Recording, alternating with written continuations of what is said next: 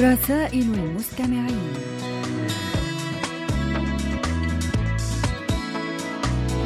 أحبائي المستمعين السلام عليكم. أهلا ومرحبا بكم في هذا اللقاء الأسبوعي المتجدد مع رسائلكم ومساهماتكم القيمة والجميلة.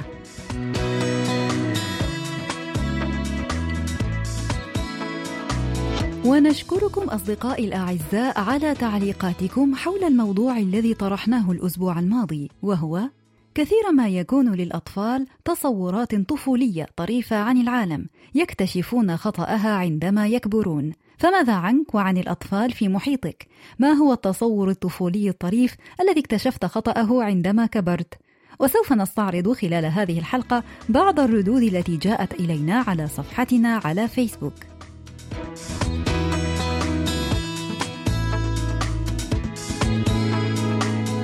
اكتبوا لنا أيها الأصدقاء على صفحة القسم العربي على فيسبوك. وأيضا إذا كان لديكم مقترحات بأفكار ترغبون في مناقشتها عبر البرنامج أرجو منكم إرسالها إلى بريد القسم العربي أو إلى ركن رسائل المستمعين.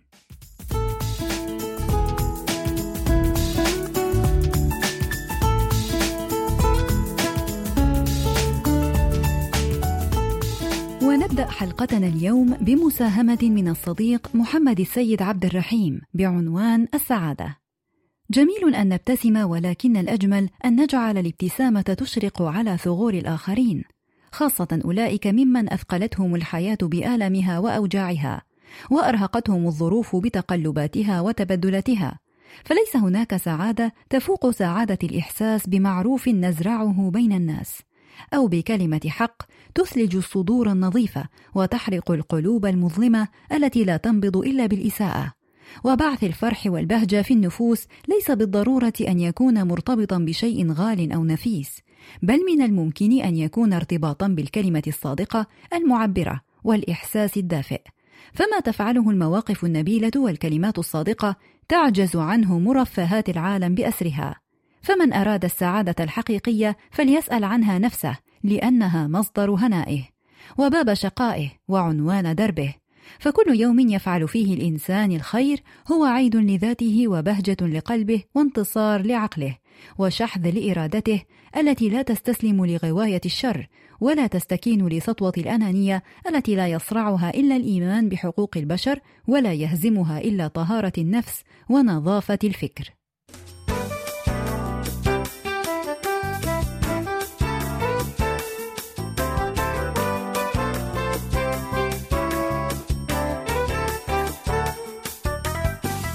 صديقنا أبو علي مؤمن أرسل إلينا مساهمة جميلة تقول سئل أحدهم عن النفاق وهل له أنفاق فأجاب الحياة عبارة عن مراحل حياتية مختلفة ولكل منها قوى ذهنية توافقها لتحقيق محصلات دنيوية وأخروية تناسب كل مرحلة حياتية على حدة. لذا الفكر المرن يستوعب ذلك. وأما الفكر الجامد سيتعب مع الحركة الحياتية الدائمة. إذا ماذا ينفع الإنسان لو ربح العالم كله وخسر الآخرة؟ ولكن من يعمل أعمال تخلد للأبد ويسعى دائما لخدمة الآخرين لإرضاء ربه هو الذي ينجح لينال الآخرة. ولكي يحدث ذلك يجب أساسا توفر الصفاء والنقاء في الأول. فالأول تحتاجه الراحة الذهنية والثاني تحتاجه الراحة النفسية.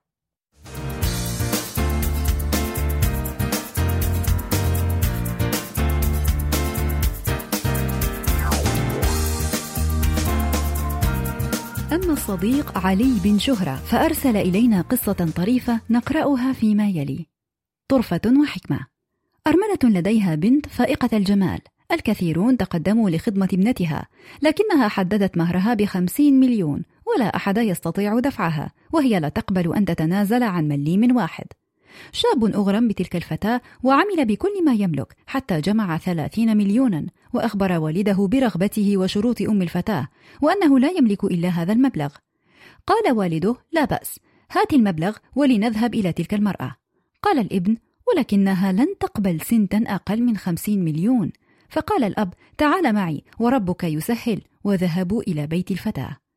قال أبو الولد لأم الفتاة أتمنى ألا تقاطعيني حتى أنهي كلامي. ابني يريد أن يتزوج ابنتك وهذه عشر ملايين مهرها. قالت الأم بانزعاج ولكن قال الأب قلت لك لا تقاطعيني حتى أنهي كلامي. ثم قال وهذه عشر ملايين مهرا لك لتكوني زوجة لي. فابتسمت الأم ابتسامة عريضة وقالت على بركة الله مبارك لنا ولكم. ولما سألها الجيران كيف التنازل عن المهر المحدد بخمسين مليون؟ ردت عليهم سعر الجملة يختلف عن سعر الفرد. ولما سأل الشاب أباه عن العشر ملايين الباقية قال له نراضي بها أمك. فإدارة الأزمات تحتاج إلى قائد محنك. نشكرك على هذه القصة الطريفة والنكتة الظريفة التي أضحكتنا جميعا. ونرجو أن ترسل إلينا المزيد من النكت والطرائف مثلها.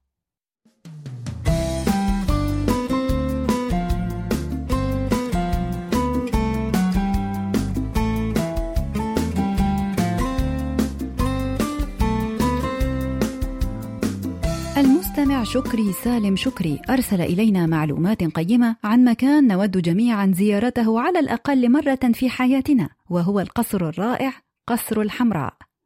قصر الحمراء هو قصر أثري وحصن وأحد أهم صروح العمارة الإسلامية المسلوبة في الأندلس. شيده مؤسس دولة بني الأحمر الغالب بالله أبي عبد الله محمد الأول محمد بن يوسف بن محمد ابن أحمد بن نصر ابن الأحمر في مملكة غرناطة خلال النصف الثاني من القرن العاشر الميلادي. ويعد الآن من أهم المعالم السياحية بأسبانيا. تعود بداية تشييد قصر الحمراء إلى القرن الرابع الهجري الموافق للقرن العاشر الميلادي وقد استغرق بناؤه أكثر من 150 سنة.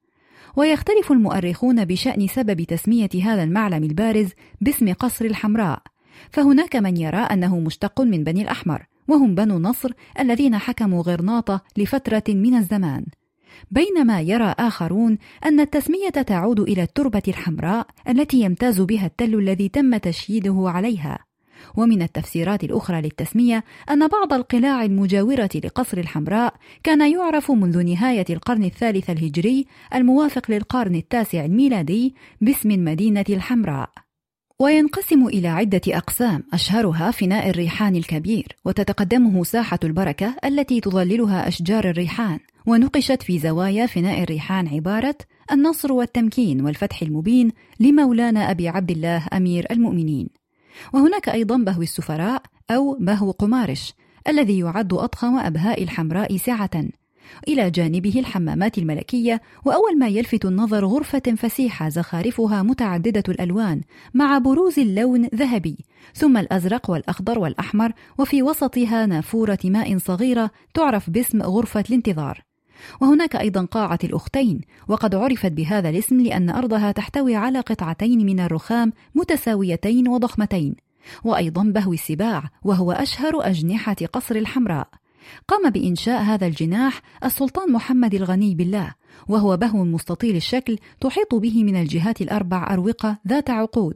وفي الوسط نافورة الأسود على حوضها المرمري المستدير 12 أسدا من الرخام. تخرج المياه من أفواهها بحسب ساعات النهار والليل. وأيضا قاعة بني سراج وقاعة الملوك أو قاعة العدل. وأيضا الزاوية والروضة. وهناك منطقة مهجورة من القصر في جهة الغرب كانت زاوية أو مصلى فيها ميضاء وقاعدة مأذنة. وكانت خرائب الروضة مدفنا لملوك بني نصر ملوك غرناطة في جهة جنوب باحة السباع. وعثر في الروضة على شواهد عدة لقبور تعود لملوك غرناطة. نشكرك على هذه المساهمة القيمة التي حدثتنا الكثير عن هذا القصر المهم من المعالم الأثرية العالمية.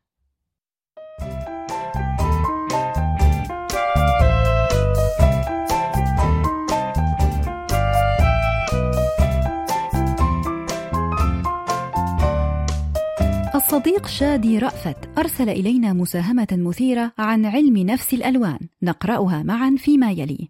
علم النفس اللوني أو علم نفس الألوان يعتبر من الميادين الحديثة للعلوم النفسية إلا أنه لم يحظى بالاهتمام الكافي من الناحية النظرية والتجريبية حتى هذا الوقت حيث أن التأثيرات الألوان على الأداء النفسي والتصورات الذاتية كان موضوعا مهما في مجالات التسويق والإعلان والفنون والتصاميم.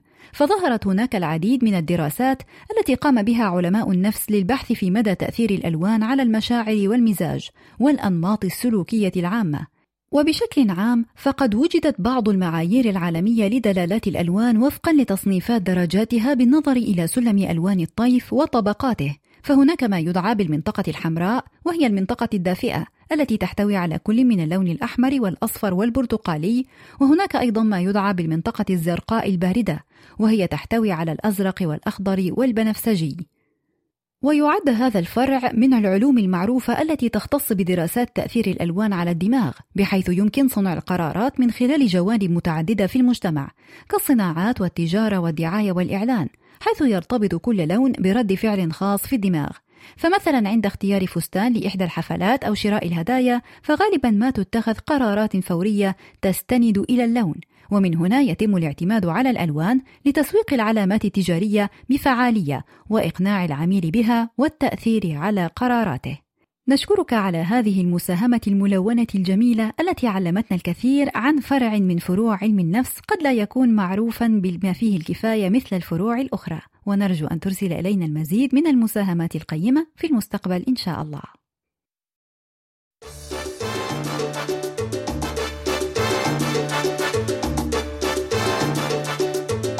أحبائي وأصدقائي أدعوكم جميعا لإرسال تسجيلاتكم الصوتية التي تحتوي على مساهمات أو أشعار أو كلمات كتبتموها بأنفسكم أو حتى مقترحات أو أفكار أو أي رسالة تريدون توصيلها عبر البرنامج. شكرا للصديق محمد مختار على مساهمته التالية: الحياة رواية جميلة، عليك قراءتها حتى النهاية. لا تتوقف ابدا عند سطر حزين فقد تكون النهاية جميلة. شكرا للصديق علي المحمدي على الكلمات القيمة التالية. الرجال معادن. بعضهم يذوبون في درجة حرارة لا تتجاوز العشرين والبعض الآخر يصمدون إلى درجة الخمسين. ولكن قلة منهم لا يذوبون حتى في الفرن الذري وحين يذوبون يتحول فحمهم إلى ماس. شكرا للصديق عبد الله محمد على الكلمات التالية. أي شخص يتوقف عن التعلم هو عجوز سواء كان في العشرين أو الثمانين. شكرا للصديقة نهير محمود التي أرسلت تقول من يضطرون لفعل الأشياء البسيطة بصورة ممتازة هم وحدهم من يكتسبون مهارة فعل الأشياء الصعبة بسهولة.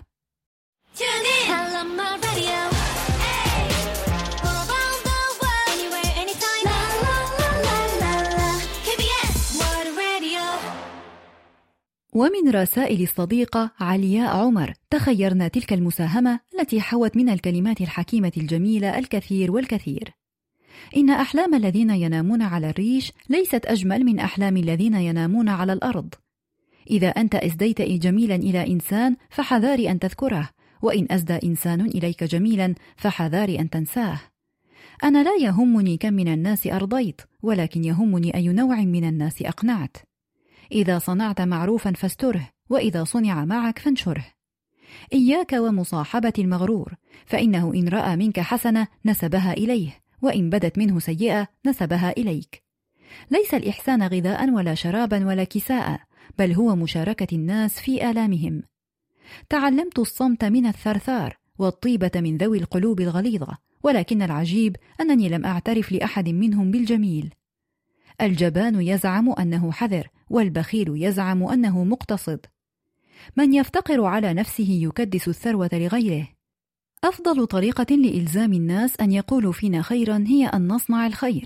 ليس الشقاء أن تكون أعمى بل الشقاء أن تعجز عن احتمال العمى. نسمي عصور الظلام كذلك لا لأن النور لا يسطع فيها ولكن لأن الناس يرفضون رؤيته.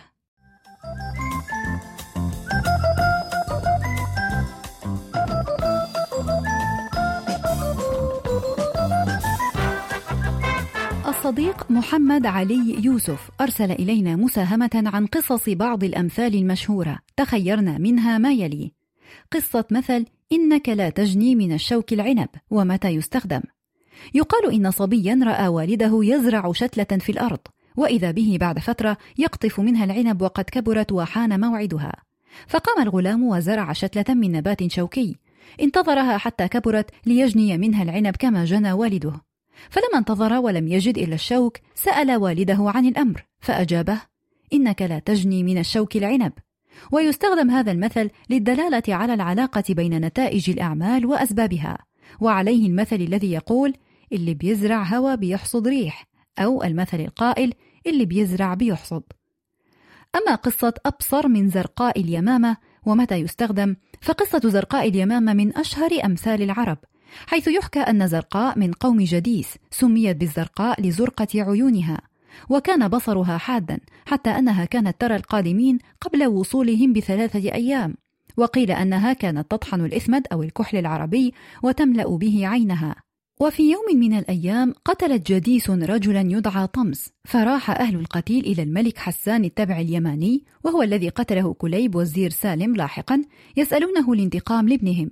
وعندما اقترب التبع من موقع جديس أمر رجاله أن يلبسوا أغصان الشجر كنوع من التمويه لأنهم يعرفون حدة بصر زرقاء اليمامة.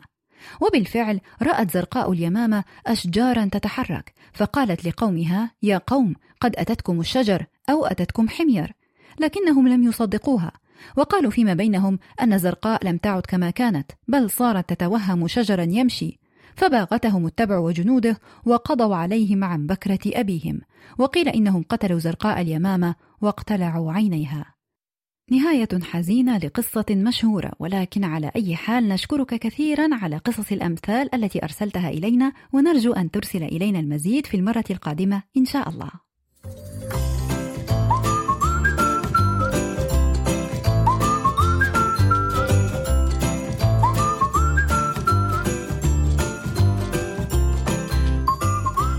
المساهمة التالية فهي من رسائل الصديق نوري عبد الرزاق. نقرأها كما يلي. دائما نقول عما مضى بأنه زمن جميل ولكننا وقتها لم نكن نشعر بجماله. فقد شعرنا بجماله بعد رحيله وأصبحنا نرددها. كان زمنا جميلا. وليتنا ندرك أن أيامنا هذه أيضا ستكون غدا ماض جميل. مشكلتنا أننا نستشعر جمال الأشياء فقط بعد فقدها. نفتقر جدا لثقافة عيش اللحظة. نفتقر لمبدأ الاستمتاع بأصغر الأشياء ونبحث دائما عن أكبرها وحتى عندما نجدها لا نستشعرها. لهذا استمتعوا بكل شربة ماء نقية وبكل لمة أهل وبكل جمعة أصدقاء وبكل خطوة وبكل سجدة قادرين على أن تؤدوها وبكل نعمة أنعمها الله علينا وقد اعتدنا عليها. وبكل شهيق وزفير وبالأشياء الجميلة التي هي بنظرنا صغيرة وهي تملأ حياتنا. استمتعوا بوجود أمهاتكم وآبائكم ومتعوهم بحياتهم لأنهم سيصبحون يوما ما ماض جميل. استمتعوا باليوم لأنه سيصنف غدا بأنه ماض جميل.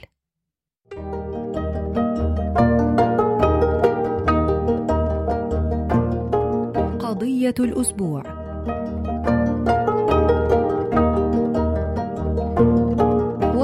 هذا الأسبوع هو تخيلات الصغار المغلوطة الطريفة عن العالم.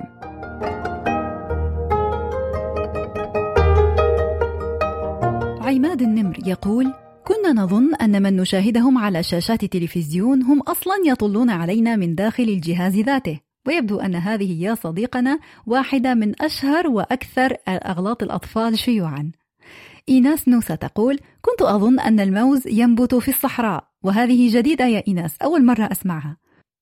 أو ماي واي تقول كنت أعتقد أنني أرتدي قناع وأن بإمكاني إزالته. إلهام تقول لطالما اعتقدت في صغري بأن الإنسان قادر على الطيران واختراق الغلاف الجوي للأرض والتفسح في الفضاء الخارجي بدون الحاجة إلى مركبة فضائية. لكن بعد بلوغي ضربني الإدراك بأننا غير قادرين على الطيران هكذا. ومن المستحيل أن نتنفس خارج نطاق الأرض. يبدو أن ميولك كانت علمية يا إلهام. جيسو كيم يقول مش أنا بس أخوي الصغير كان مفكر أن القطة وقت تكبر تصبح أسد فكان ينتظر بالشهور قطتنا تكبر والحمد لله أنها لم تفعل. صبا تقول كنت أظن أن المسلسلات التي تظهر على التلفاز حقيقية وأن الأغاني التي تذاع بعد انتهاء المسلسل يغنيها الممثلون. وقد رسمت إجابات أصدقائنا من كل مكان البسمات على وجوهنا. وأذكر من طفولتي أنا أنني كنت أظن أن وراء كل جدار في البيت عالم متكامل غابة مثلا أو حتى ممر يؤدي إلى الفضاء. وأن الصور في الرسومات والكتب تتحرك وتنبض بالحياة عندما لا ننظر إليها. أما زوجي فكان يظن في صغره أن بالوعة المغطس كانت تحمينا من أسماك القرش التي تتربص تحتها وغيرها الكثير فما أبرأ تصورات الطفولة وما ألطفها.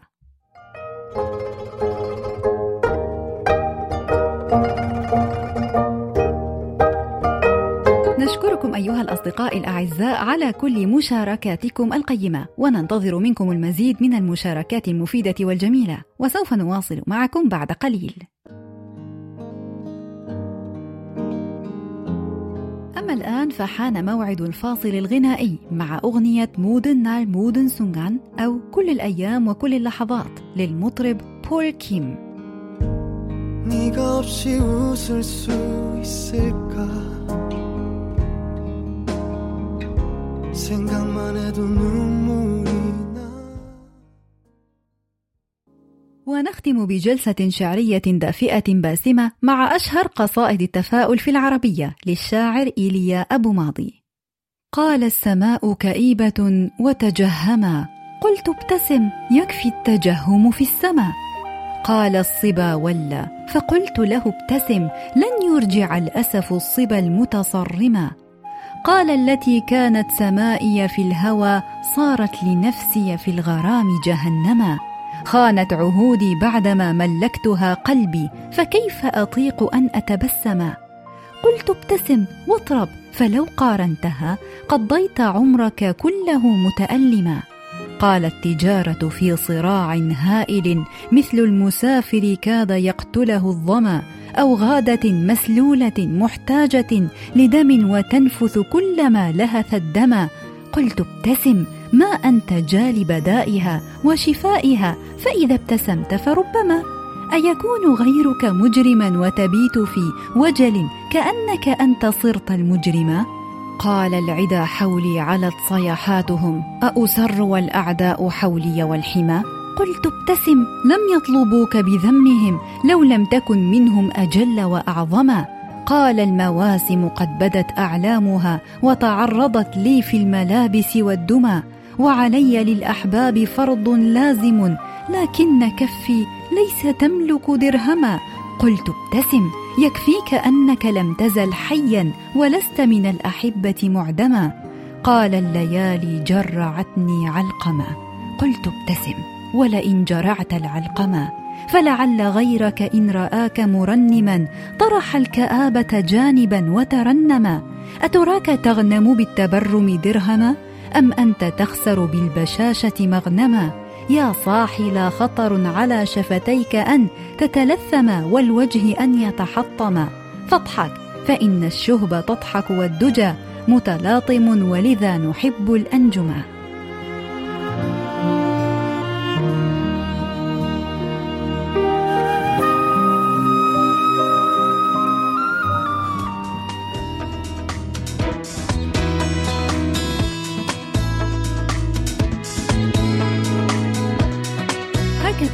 الأحباء وصلنا وإياكم إلى ختام حلقة هذا الأسبوع من برنامجكم المحبب رسائل المستمعين. ونعدكم أيها الأصدقاء الأعزاء بأن نلتقي معكم في مثل هذا الموعد من الأسبوع القادم إن شاء الله. وحتى ذلك الحين إليكم تحيات مخرجة البرنامج قمر وتحياتي هالة. thank you